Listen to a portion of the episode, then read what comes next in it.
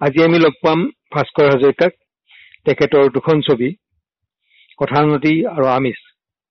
আমি সকলোৱে ভাল পাইছো ছবি দুখন চাই চিন্তা কৰিছো।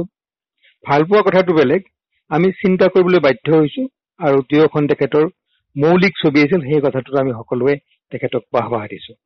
আৰু সেই বাহবাহ দিয়াৰ কাৰণেই আমি জানিবলৈ ইচ্ছা কৰিম তেখেতে আমালৈ আৰু কি সংগ্ৰহ কৰি আছে নিৰ্মাণ কৰি আছে প্ৰস্তুত কৰি আছে। ভাস্কৰ হাজৰিকাৰ মুখেৰে শুনো নমস্কাৰ উৎপল দা হেল্ল' এভৰিৱান উৎপল দা ধন্যবাদ আপুনি মোক এনেকে ইয়াত এনেকে ইণ্টাৰভিউ ইনভাইট কৰিলে কথা পাতিবলৈ আৰু আপোনাৰ এই শ্ব'টো ছাকচেছ হওক বুলি মই আশা কৰিলো বেষ্ট উইচেছ আপোনাক কামিং টু কুৱেশ্যন মই এই কভিড আৰম্ভ হোৱাৰ পিছততো চবেই জানেই আৰু কাম চাম হোৱা নাই শ্বুটিং টুটিং হোৱা নাই কিন্তু আমি যি আমি ৰাইটাৰ মানুহ আমি বহুতখিনি কিতা মই মই নিজে বহুতখিনি কনচেপ্ট নতুন কনচেপ্ট ডেভেলপ কৰি আছো। অসমৰ অসমৰ কাৰণে অসমীয়া চিনেমা আৰু হেৰি বাহিৰৰ বম্বে চিনেমা আৰু ৱেব ছিৰিজ কেইটামান ডেভেলপ কৰি আছো। আমাৰ এখন নতুন চিনেমা আছে এমুঠি পুথি বুলি। এইখন এখন কমেডি চিনেমা হয় এইখন মই লিখিছো। আৰু আমি মোৰ ষ্টুডিঅ' এটা আছে মেটনমল আমি প্ৰডিউচ কৰিছো সেইখনৰ শ্বুটিং হৈ গ'ল লকডাউনৰ আগত।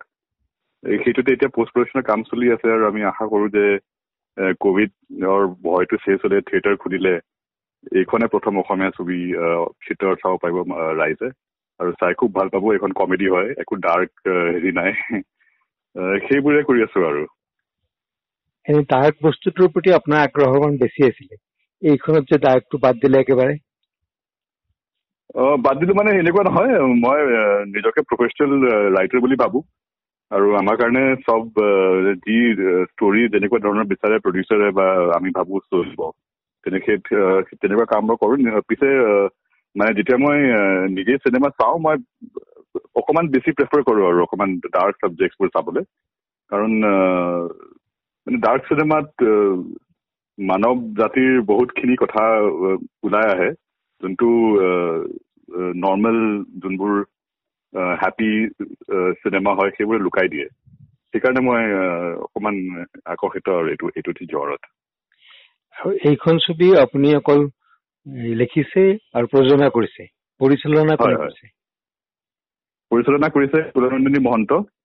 আমাৰ লগত আগতেও কাম কৰিছে তাই এখন ফাৰ্ষ্ট ফিচাৰ ফিল্ম তাই ডাইৰেক্ট কৰিছে। তেওঁ একচুৱেলি কলোৰাডো ফিল্ম স্কুলৰ পৰা পঢ়ি আহিছে চিনেমা চিনেমাটগ্ৰাফী আৰু মোৰ লগত এখন চুটি ছবি এখনো কৰিছে শ্বুট কৰিছে মোৰ কাৰণে। তাই কুলানন্দীয়ে ডাইৰেক্ট কৰিছে। মই আৰু সুদানা দত্তাই লিখিছো স্ক্ৰিপ্টখন আৰু আমাৰ শ্যাম বোৱা মই আৰু সুনীল আগৰৱাল বুলি মানুহ এজন মানুহ আছে। তেওঁ মানে প্ৰডিউচ কৰিছে তেনেকুৱা আপোনাৰ সহযোগী লেখকজনৰ নামটো কি ক'লে? আৰু তেখেতৰ বিষয়ে অকণমান কওকচোন। সুনয়না দত্তা। সুনয়না দত্তা মোৰ লগতে আমি কাম কৰো। এনেইতো মানে আপুনি জানেই আৰু মই অসমত থকা নাইতো সৰুৰ পৰা। ত অসমৰ বহুতখিনি কথা মই এতিয়াই ডিছকভাৰ কৰিছো। সেইকাৰণে মানে যেতিয়া মই ভাবিলো যে যেতিয়া আমি অসমীয়া চিনেমা কৰো অসমীয়া চিনেমা লিখো এজন কো ৰাইটাৰ মোক লাগে যোনে মানে অসমৰ বহুতখিনি কথা বুজি পায়। আৰু এই ষ্টৰিটো যে আমি লিখিছো এমুঠি পুথিৰ সেইটো অকণমান মানে য়াং জেনেৰেশ্যনৰ সাধু হয়। যোনবোৰ যোনবোৰ আমাৰ নতুন প্ৰজন্মৰ ল'ৰা ছোৱালী বহুত ইম্পেচিয়েণ্ট হয় অসমৰ ওলাই যাব বিচাৰে পৃথিৱী চাব বিচাৰে। ত' সেই সেইকাৰণে মই ভাবিলো যে মই অকলে কৰাটো উচিত নহ'ব। সেইকাৰণে সুনেনা আৰু মই একেলগে লিখি দিছো খন আৰু পৰিচালনা আপুনি নকৰি যে বেলেগ এজনক দিলে কিবা কাৰণ আছে নেকি? সেইটো কাৰণে আছিলে যে মই যে কৈছিলো এইখন চিনেমা নতুন প্ৰজন্মৰ চিনেমা হয় আৰু এটা গাৰ্ল পাৱাৰ এটা স্পিৰিট এটা আছে এইখনত। মই চল্লিশ প্লাছ বছৰীয়াৰ মতা মানুহ এজনে যদি সেইখন চিনেমা ডাইৰেক্ট কৰিবলৈ বিচাৰে তেতিয়া মানে ষ্টৰিটো অকণমান হেৰি হৈ যাব গম্ভীৰ হৈ যাব বুলি ভাবো মই। আপোনালোকে চাব পাৰিব নেক্সট ইয়েৰ আৰু আপুনি নিজে পৰিচালনা কৰা চিনেমা আমি কেতিয়া চাবলৈ পাম? সেইটো ডিপেণ্ড কৰে যে কেতিয়া ভেকচিন আহে কেতিয়া থিয়েটাৰ খোলে আৰু কেতিয়া শ্বুটিং টুটিং আৰম্ভ হয়। মই বম্বেত এখন চিনেমা চাইন কৰিছো সেইখন হিন্দী হ'ব। অসমীয়া মই কৰি আছো দুটামান প্ৰজেক্টত কাম সেইটো অকণমান সময় লাগিব দুবছৰমান লাগিব আৰু ৰিচাৰ্চ কৰোঁতে লিখোঁতে। আপোনাৰ লগত কথা পাতি ভাল লাগিল। আমি আকৌ এদিন কথা পাতিম আৰু আপোনাৰ বিষয়ে কথা পাতিম। Thank you thank you so' much আজি আমি লগ পাম ভাস্কৰ হাজৰিকাক তেখেতৰ দুখন ছবি কথানদী আৰু আমিষ। আমি সকলোৱে ভাল পাইছো ছবি দুখন চাই চিন্তা কৰিছো। ভাল পোৱা কথাটো বেলেগ আমি চিন্তা কৰিবলৈ বাধ্য হৈছো আৰু দুয়োখন তেখেতৰ মৌলিক ছবি আছিল সেই কথাটোত আমি সকলোৱে তেখেতক বাহবাহ দিছো। আৰু সেই বাহবাহ দিয়াৰ কাৰণেই আমি জানিবলৈ ইচ্ছা কৰিম তেখেতে আমালৈ আৰু কি সংগ্ৰহ কৰি আছে নিৰ্মাণ কৰি আছে প্ৰস্তুত কৰি আছে। ভাস্কৰ হাজৰিকাৰ মুখেৰে শুনো। নমস্কাৰ উৎপল দা হেল্ল' এভৰিৱান উৎপল দা ধন্যবাদ আপুনি মোক এনেকে ইয়াত এনেকে ইণ্টাৰভিউ ইনভাইট কৰিলে কথা পাতিবলৈ। আৰু আপোনাৰ এই শ্ব'টো ছাকচেছ হওক বুলি মই আশা কৰিলো। বেষ্ট উইচেছ আপোনাক। কামিং টু কুৱেশ্যন মই এই কভিড আৰম্ভ হোৱাৰ পিছততো চবেই জানেই আৰু কাম চাম হোৱা নাই শ্বুটিং টুটিং হোৱা নাই। কিন্তু আমি যি আমি ৰাইটাৰ মানুহ আমি বহুতখিনি এ, মই মই নিজে বহুতখিনি কনচেপ্ট নতুন কনচেপ্ট ডেভেলপ কৰি আছো। অসমৰ অসমৰ কাৰণে অসমীয়া চিনেমা আৰু হেৰি বাহিৰৰ বম্বে চিনেমা আৰু ৱেব ছিৰিজ কেইটামান ডেভেলপ কৰি আছো। আমাৰ এখন নতুন চিনেমা আছে এমুঠি পুথি বুলি। এইখন এখন কমেডি চিনেমা হয় এখন মই লিখিছো আৰু আমি মোৰ ষ্টুডিঅ' এটা আছে মেটনমল আমি প্ৰডিউচ কৰিছো। সেইখনৰ শ্বুটিং হৈ গ'ল লকডাউনৰ আগত। সেইটোতে এতিয়া পষ্ট প্ৰডাকশ্যনৰ কাম চলি আছে আৰু আমি আশা কৰো যে কভিডৰ ভয়টো শেষ হলে থিয়েটাৰ খুলিলে এইখনে প্ৰথম অসমীয়া ছবি থিয়েটাৰত চাব পাৰিব ৰাইজে। আৰু চাই খুব ভাল পাব এইখন কমেডি হয় একো ডাৰ্ক হেৰি নাই। সেইবোৰে কৰি আছো আৰু। এনে ডাৰ্ক বস্তুটোৰ প্ৰতি আপোনাৰ আগ্ৰহ অকণ বেছি আছিলে। এইখনত যে ডাৰ্কটো বাদ দিলে একেবাৰে? অ, বাদ দিলো মানে এনেকুৱা নহয় মই নিজকে প্ৰফেচনেল ৰাইটাৰ বুলি ভাবো। আৰু আমাৰ কাৰণে চব যি ষ্টৰী যেনেকুৱা ধৰণৰ বিচাৰে প্ৰডিউচাৰে বা আমি ভাবো চলিব।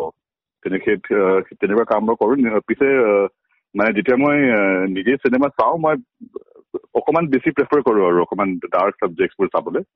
কাৰণ মানে ডাৰ্ক চিনেমাত মানৱ জাতিৰ বহুতখিনি কথা ওলাই আহে। যোনটো নৰ্মেল যোনবোৰ হেপী চিনেমা হয় সেইবোৰে লুকাই দিয়ে। সেইকাৰণে মই আহ, অকমান আকৰ্ষিত আৰু এইটো এইটো জ্বৰত এইখন ছবি আপুনি অকল লিখিছে আৰু প্ৰযোজনা কৰিছে পৰিচালনা। কৰিছে। পৰিচালনা কৰিছে কুলনন্দিনী মহন্ত। আমাৰ লগত আগতেও কাম কৰিছে তাই এখন ফাৰ্ষ্ট ফিচাৰ ফিল্ম তাই ডাইৰেক্ট কৰিছে।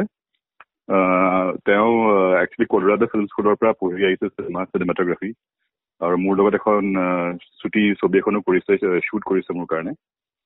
তাই কুলনন্দিনীয়ে ডাইৰেক্ট কৰিছে। মই আৰু সুদানা দত্তাই লিখিছো স্ক্ৰিপ্টখন আৰু আমাৰ শ্যাম বুৱা মই আৰু সুনীল আগৰৱাল বুলি মানুহ এজন মানুহ আছে তেওঁ মানে প্ৰডিউচ কৰিছে উম, আপোনাৰ সহযোগী লেখকজনৰ নামটো কি ক'লে আৰু তেখেতৰ বিষয়ে অকণমান কওকচোন।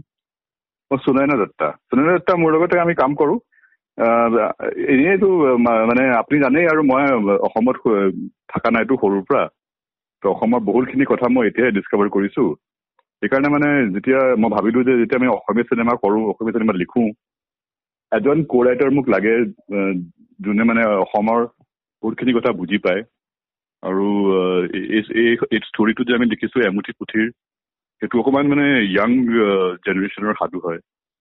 যোনবোৰ যোনবোৰ আমাৰ নতুন প্ৰজন্মৰ ল'ৰা ছোৱালী বহুত ইম্পেচিয়েণ্ট হয়। অসমৰ পৰা ওলাই যাব বিচাৰে পৃথিৱী চাব বিচাৰে। ত' সেই সেইকাৰণে মই ভাবিলো যে মই অকলে কৰাটো উচিত নহ'ব। সেইকাৰণে সুনেনা আৰু মই একেলগে লিখিলো এই স্ক্ৰিপ্টখন আৰু পৰিচালনা আপুনি নকৰি যে বেলেগ এজনক দিলে কিবা কাৰণ আছে নেকি? সেইটো কাৰণে আছিলে যে মই যে কৈছিলো এইখন চিনেমা নতুন প্ৰজন্মৰ চিনেমা হয় আৰু এটা গাৰ্ল পাৱাৰ এটা স্পিৰিট এটা আছে এইখনত। মই চল্লিশ প্লাছ বছৰীয়াৰ মতা মানুহ এজনে যদি সেইখন চিনেমা ডাইৰেক্ট কৰিবলৈ বিচাৰে তেতিয়া মানে ষ্টৰিটো অকমান হেৰি হৈ যাব গম্ভীৰ হৈ যাব বুলি ভাবো মই। আপোনালোকে চা- চাব পাৰিব নেক্সট ইয়েৰ আৰু আপুনি নিজে পৰিচালনা কৰা চিনেমা আমি কেতিয়া চাবলৈ পাম? সেইটো ডিপেণ্ড কৰে এতিয়া কেতিয়া ভেকচিন আহে কেতিয়া থিয়েটাৰ খোলে আৰু কেতিয়া শ্বুটিং টুটিং আৰম্ভ হয়। মই বম্বেত এখন চিনেমা চাইন কৰিছো সেইখন হিন্দী হ'ব। অসমীয়া মই কৰি আছো দুটামান প্ৰজেক্টত কাম সেইটো অকণমান সময় লাগিব দুবছৰমান লাগিব আৰু ৰিচাৰ্চ কৰোঁতে লিখোঁতে। আপোনাৰ লগত কথা পাতি ভাল লাগিল। আমি আকৌ এদিন কথা। পাতিম আৰু আপোনাৰ কথা পাতিম। Thank you thank you so' much